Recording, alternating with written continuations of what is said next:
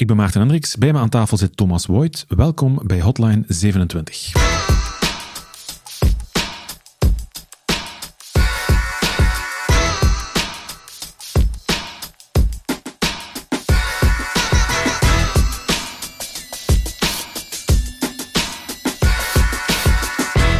Adviescommissie te weinig sites bij de overheid gebruiken IPv6 om doel te halen. Alle Nederlandse overheidswebsites en e-maildomeinen moeten voor het eind van het jaar bereikbaar zijn met IPv6. Dat doel lijkt niet te worden gehaald, waarschuwt de Adviescommissie Forum Standaardisatie. En dat is een artikel uh, op Tweakers van een tijdje geleden. Het gaat weliswaar over Nederland en niet over België, hè, Thomas? Klopt. Maar toch wilde ik het hier graag over hebben. Waarom in godsnaam? Wel, uh, we hebben een kleine steekproef gemaakt bij de Vlaamse gemeentes. Er mm -hmm. zijn er 300. Um, en we zien toch ook dat hier een pak werk aan de winkel is. Er zijn maar eigenlijk een tweetal gemeentes volledig bereikbaar via een website, als wel via een e-mail via IPv6. Uh, als we e-mail even vergeten en alleen maar naar de website kijken, dan komen we op 42 gemeentes uit die in orde zijn. Spijtig genoeg staan er daarvan 30 bij ons, dus er is zeker nog werk aan de winkel. Nu, voor we daar een beetje dieper op ingaan, misschien eerst even uitleggen wat die IPv6 precies is. Wel, lang geleden bij, bij de opkomst van het internet merkte men eigenlijk al dat die adresstructuur binnen ons huidige IP-adressen te beperkt was. Je hebt ongeveer 32 bit aan ruimte in het, in de bestemmings, uh, in het En als je daarmee gaat rekenen, dan kom je op een unieke 4 miljard tal adressen uit. Natuurlijk zijn niet al deze 4 miljard adressen zomaar bruikbaar. Er zijn subnetten. Uh, sommige adressen zijn gereserveerd voor een specifiek doel. Uh, maar vandaag is de situatie eigenlijk al zo drastisch, dat al deze adressen op zijn. Uh, het internet groeit enorm hard. We zijn vandaag, denk ik, met iets van een 7 à 8 miljard mensen op deze planeet. En deze zijn nog niet eens allemaal online. De mensen die vandaag online zitten, doen dat ook meestal met meer dan één toestel, laptops, gsm's. Uh, en dan heb je verder nog heel veel infrastructuur die ook moet communiceren. Denk dan aan servers, IP-camera's en in toekomst, zeker op vlak van, van wearables, uh, een horloge bijvoorbeeld, of op vlak van IoT, komt er nog een enorm forse groei van toestellen die met elkaar willen communiceren. Het komt er eigenlijk op neer dat alle toestellen die aan het internet hangen of die verbonden zijn met het internet, die hebben allemaal een of ander IP-adres nodig. Anders werkt het eenvoudigweg niet. Hè? Klopt. Om te communiceren heb je een adres nodig. Uh, dus zowel de, de bron als de bestemming hebben een uniek adres nodig om ja. mee te communiceren. En die zijn nu simpelweg op aan het geraken. Zijn ze effectief al op op dit moment? Officieel gezien zijn ze op. Okay. Uh, al enkele jaren zelf. Er was nog ergens een reservepool waar je als startende operator nog een adres uit kon krijgen. Of een reeks aan adressen. Omdat natuurlijk richting internetoperatoren mm -hmm. geeft men niet één adres, maar geeft men een pool aan adressen. Uh, maar sinds afgelopen jaar is zelfs deze pool volledig op. Dus als je nu een internetoperator start, dan kom je op een wachtlijst. En ja, er wordt wel wat gerecupereerd adressen die niet in gebruik zijn, bedrijven die failliet gaan bijvoorbeeld.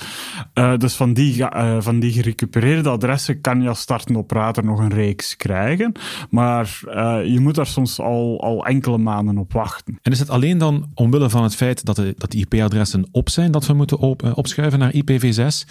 Waarom bijvoorbeeld is de Nederlandse overheid daar zo, of waarom zijn ze bij Tweakers met dat artikel op de proppen gekomen? Waarom is dat zo belangrijk dat ze overgaan naar IPv6? Wel, IPv6 biedt ons meer adresruimte. Dus in plaats van die 32 bit gaan we naar 128 bit. Dus dat is, als je dat uitrekent, kom je op 1028 keer meer adresruimte als vandaag. Het is natuurlijk maar één van de verbeteringen. Aan de technische kant van het verhaal is ook wat gesleuteld. Uh, de headers zijn licht anders. Er gebeurt geen checksumming meer in de header.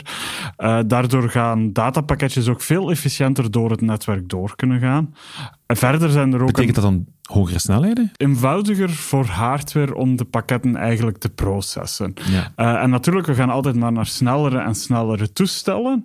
Dus uh, iedere CPU-kracht die je niet moet gebruiken om iets te doen als checksumming, is natuurlijk een enorme win waar dat je potentieel andere functionaliteit mee kan activeren. Eindgebruiker bij mij thuis ga daar weinig van merken. Dat is vooral in functie van de hardware? Uh, is voornamelijk in functie van de hardware. Je gaat een beetje minder latency hebben. Er zijn een aantal uh, verbeteringen op vlak van MTU.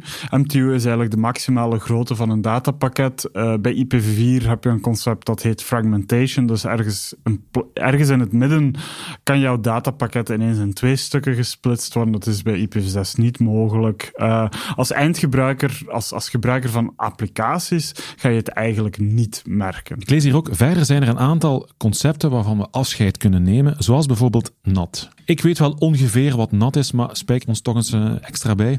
Wel, bij IPv4 heeft men eigenlijk een aantal adresranges uh, voorzien voor private netwerk. En dat wil zeggen, jouw thuisnetwerk is een privaat netwerk. En de meeste mensen kennen de adresruimte wel als het begint met 192, 168, punt iets, punt iets. Dat is thuis. Dat is, uh, dat is bij de meeste mensen thuis, inderdaad. Bij bedrijven gebruikt men 10 slash 8 heel veel. Dat is een heel grote blok met 10 adressen. En dat zijn private adressen die binnen jouw netwerk gebruikt kunnen worden. Natuurlijk, als je naar buitenaf wilt communiceren, kan niemand daarop antwoorden. Mm -hmm. Omdat de, dat officieel gezien bestaat het adres op internet niet. dan gebruikt men iets als natting. Men gaat dus meerdere toestellen en meerdere IP-adressen wegsteken achter één publiek IP-adres, heet dat dan. Uh, dat is een concept bij IPv6 schrappen we dat compleet. Uh, het concept van eigenlijk private netwerken schrappen we ook. Uh, waarom is dat belangrijk? Ja, als je twee grote bedrijfsnetwerken hebt, dan was daar eigenlijk 99% kans als je die aan één wil hangen met een VPN of, zo, of zelfs met een, een leased line of zo, dat daar een overlap in die bedrijfsnetwerken zat. Met overlap bedoelt je dat er adressen meerdere keren voorkomen op hetzelfde netwerk? Ja, waarvan bij bedrijf A de functie anders is dan bij bedrijf okay. B. En dan natuurlijk kan je dan niet beginnen communiceren tussen die adresruimte, dus dat creëerde wel wat problemen. Natting werd ook daar veelvuldig gebruikt. Dan verstopte men deze IP-adressen achter andere IP-adressen.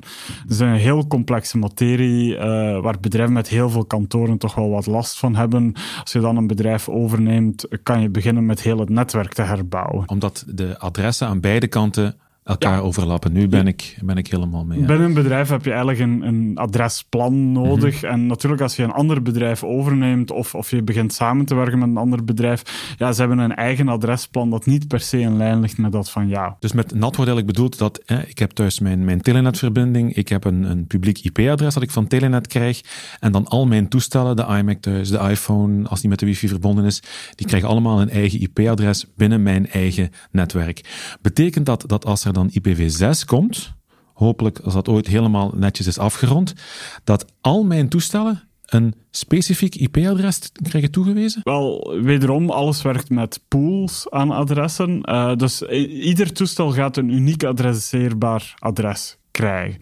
Uh, dus een beetje zoals dat je ieder toestel een extern internet-IP zou geven, waardoor dat van gelijkwaar in theorie het mogelijk is contact op te nemen met jouw toestel. Er is natuurlijk nog een security aspect, dus daar zit wel nog een firewall net voor. zeggen, ja. ja. Want nu is het zo dat alle toestellen die ik uh, achter mijn telenetverbinding steek, die zijn in principe vrij veilig, hè? want die zitten achter die router. Die dat, zijn niet publiek toegankelijk, normaal gezien. Normaal gezien niet. Dat is, dat is een beetje een, een, een, illusie dat NAT voor veiligheid zorgt, mm -hmm. maar bij de meeste thuisnetwerken is het wel zo.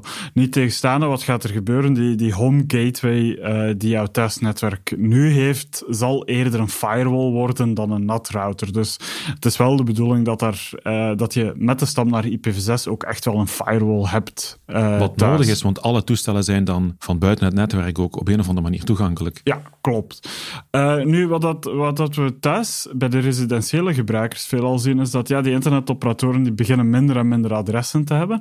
En die beginnen iets te implementeren dat heet carrier-grade NAT. Daar hebben we het nog eens over gehad, hè? Ja, inderdaad. Uh, ik denk in de aflevering van de hackers, als ik me ja, niet vergis. Uh, nu, het concept blijft hetzelfde. Ze hebben geen IP-adressen meer, dus ze beginnen ook meerdere eindgebruikers uh, achter één IP-adres te plaatsen, waardoor dat je een systeem krijgt van double NAT. Jij gaat jouw adressen verbergen in jouw netwerk achter mm -hmm. één IP-adres. En dat IP-adres is dan wederom binnen de providers en netwerk nog eens verborgen achter een andere IP. En dat maakt toch wel heel veel dingen kapot. Uh, Voice over IP kan daar geheel niet tegen. Online gaming is ook een zeer groot probleem. Dus het, het is wel, NAT helpt tijdelijk, maar is eigenlijk geen oplossing. Nee, maar het maakt mijn leven wel gemakkelijker. Hè? Als ik dingen in mijn eigen netwerk wil gaan delen met elkaar, ja, ik ken die IP-adressen letterlijk van buiten thuis. Ja, klopt. Dat gaat dan veel moeilijker, want een IPv6-adres van buiten leren, daar moet al een verstandige mens voor zijn. Hè? Ja, het zijn 128 bits, dus dat is een heel lang adres. Uh, meestal maakt men gebruik van, van hostnames in, in die IPv6-wereld. En meestal ook wel dynamisch geregistreerde hostnames mm als het over een, over een privaat netwerk gaat, waardoor dat je gewoon naar jouw NAS bij, met zijn naam kan surfen. Maar het internet gaat er dus beter van worden? Ja, efficiënter sowieso. Dus zelfs tussen internetoperatoren, vandaag binnen die IPv4-ruimte zien we een enorme fragmentatie. Omdat we heel veel operatoren hebben en die krijgen altijd heel kleine blokjes toegewezen. Daar wordt dan nog commercieel een beetje uh, IP-adressen verhandeld aan elkaar, omdat sommige oude providers hebben heel veel ruimte gekregen bij de start van het internet. De nieuwere moeten die dan gaan kopen, omdat mm zij er te weinig dus die fragmentatie, dat, zorgt er eigenlijk voor dat we op IPv4 op internet een, al een routetabel hebben van meer dan 1 miljoen entries.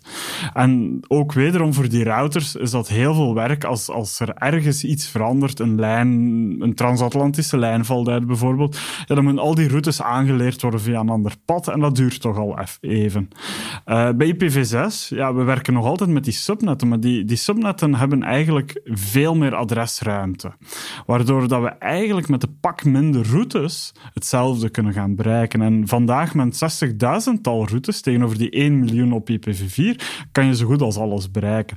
Dus zelf naast de efficiëntere aanpak van de datastromen zelf, gaat ook de communicatie tussen de operatoren efficiënter worden. En toch duurt dat ontzettend lang, hè? want we zijn al heel lang bezig over IPv6. Hè?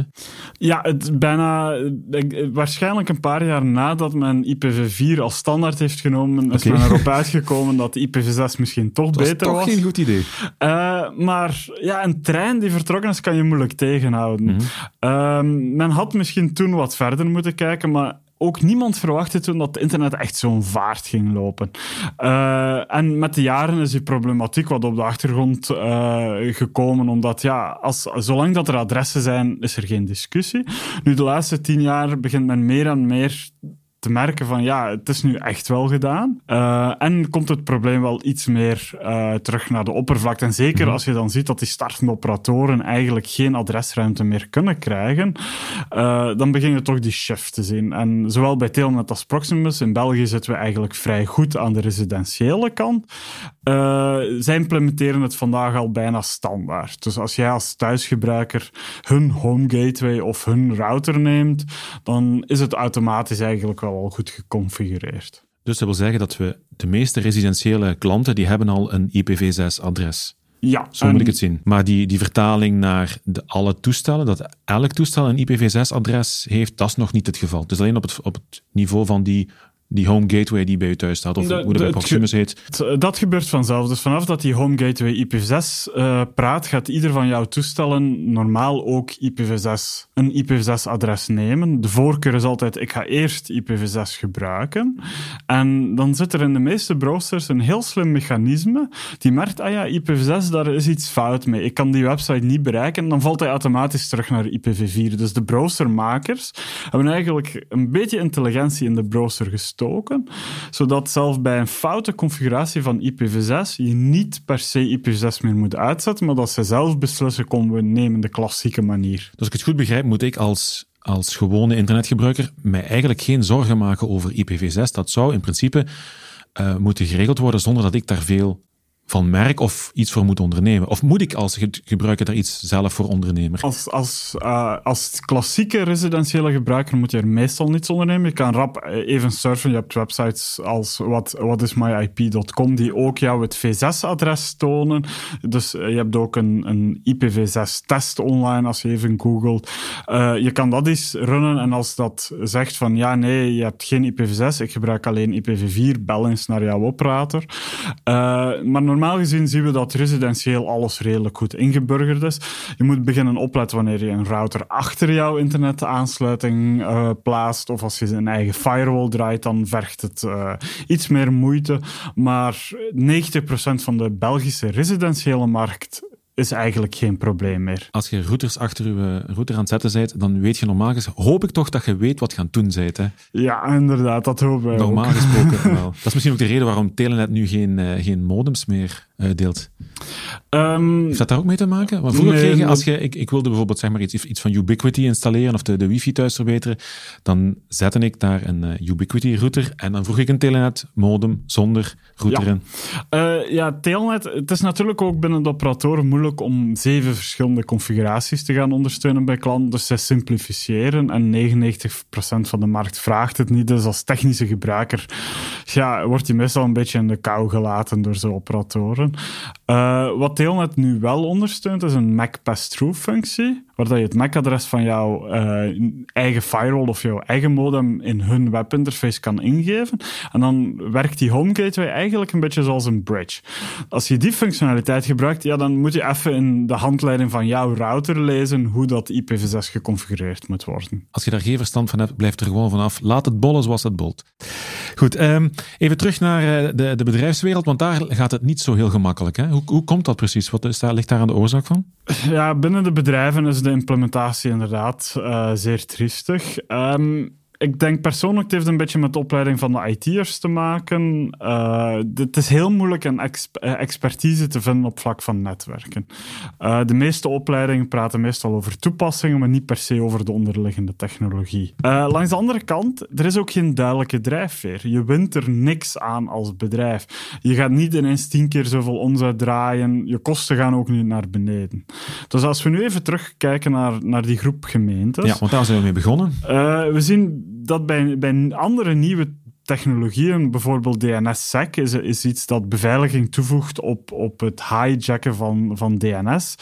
Uh, eigenlijk maar 11 van de 300 gemeentes hebben een zaakje daar in orde.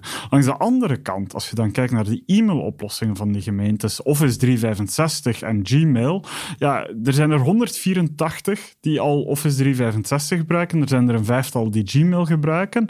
Dat zijn natuurlijk projecten waar dat een resultaat is voor de eindgebruiker. Dat is heel visueel. Dat, dat helpt ook in de werking. Je moet geen eigen Exchange-server meer draaien.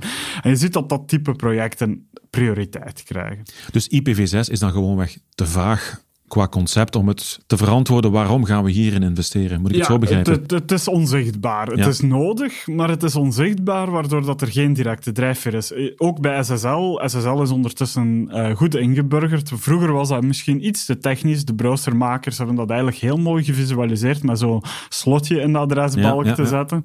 Uh, en daar zien we eigenlijk dat van die 300 gemeentes er maar 12 zijn die niet meer in orde zijn. Er zijn nog altijd gemeentes bij wie die geen SSL-certificaat hebben. Klopt. Uh, maar je ziet daar echt wel het, het visuele helpt. Dus misschien als de browsermakers zo'n slotje IPv6 supporten in, in de adresbalk zouden zetten, dan gaat het misschien sneller gaan. Maar natuurlijk... Maar hoe zou jij iemand... Dat is misschien een hele moeilijke vraag die ik nu ga stellen. Hè? Stel, je zit iemand van, van gemeente X voor u en die zegt Thomas, waarom moet ik nu in godsnaam gaan investeren in IPv6? Het hele netwerk bij ons bolt. Ik ga geen andere... Gem... Alhoewel, dat kan tegenwoordig wel een andere gemeente overnemen. Waarom moet ik daarin investeren? Wat zou je dan tegen die persoon zeggen? Wel, het, het gaat hem niet... Uh, ik denk, je moet sowieso niet een groot IPv6-project starten uh, als kleine onderneming of als gemeente. Uh, maar het gaat eigenlijk vrij simpel bij gemeentes. Ja, zij doen aanbestedingen.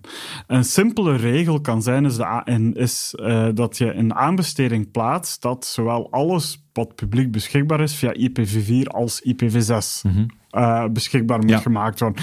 En iedere leverancier die meedoet aan die aanbesteding is eigenlijk verplicht te voorzien. En qua prijs gaat dat echt geen reusachtig verschil maken.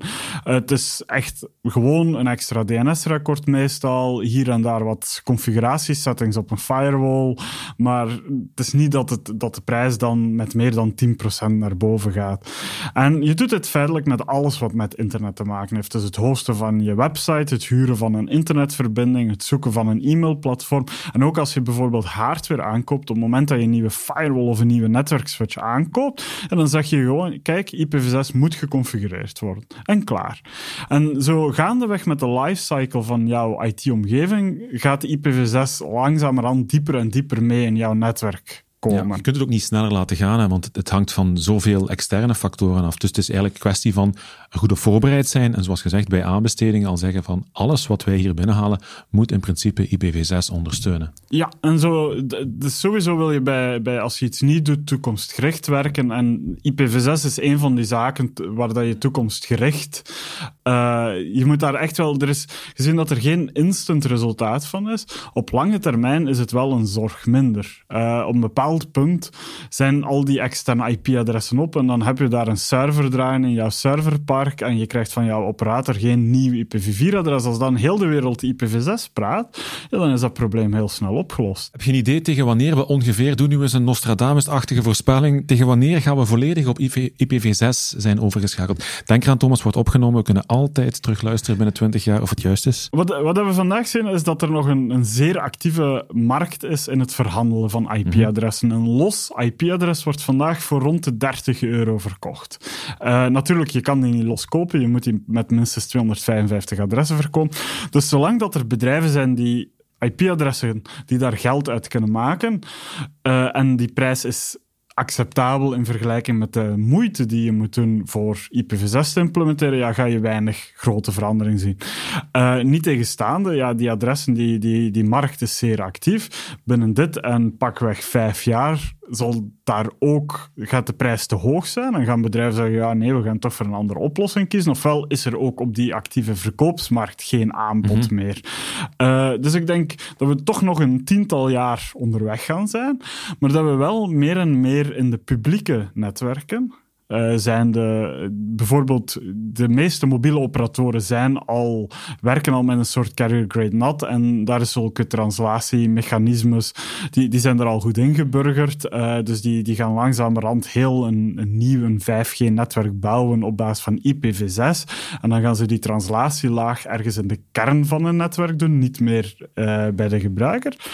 Um, hetzelfde bij die residentiële internetoperatoren. Nu geven ze jou nog een externe IPv vier adres binnen dit en een vijftal jaar zal dat ook gedaan zijn. Gaan zij ook alleen nog IPv6-adressen uitdelen en eigenlijk de translatie op een andere plaats gaan doen om die, die pool van IPv4 Zo, zo zuinig mogelijk uh, te blijven beheren. En dan binnen misschien een tiental jaar komen we op een punt dat alleen nog die legacy-applicaties IPv4 gebruiken. En ja, dan plaats je daar een load balancer voor of zo. Dan kan tussen de load balancer en die legacy-applicatie, dat kan IPv4 blijven. En Thomas heeft al, een, toe, heeft al een oplossing klaar. naar extern toe praat je dan IPv6.